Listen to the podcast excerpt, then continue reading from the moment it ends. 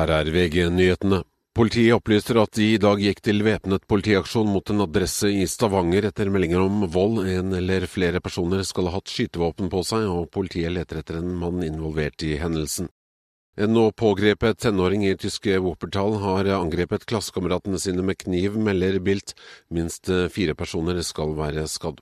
Frankrikes forsvarsminister sier at russiske styrker truet med å skyte ned franske militærfly over Svartehavet i januar.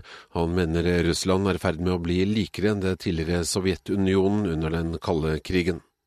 USAs president Joe Biden kalte Vladimir Putin en gal son of a bitch i går. Nå har svaret fra Kreml kommet. Og talsperson Dmitrij Peskov er tilsynelatende ikke imponert. Han svarer at ordene til Biden ikke vil skade Putin, men at det virker som om Biden prøver å være en Hollywood-cowboy. Dette er ikke de første språklige utbruddene fra USAs president. Tidligere har han kalt Putin både slakter og krigsforbryter.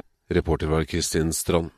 Tesla troner øverst på klagetoppen, opplyser Forbrukerrådet. Deretter følger Audi og BMW. I den andre enden av skalaen finner vi Skoda, Volvo og Toyota. I studio Frode Sti, nyhetene får du alltid på VG.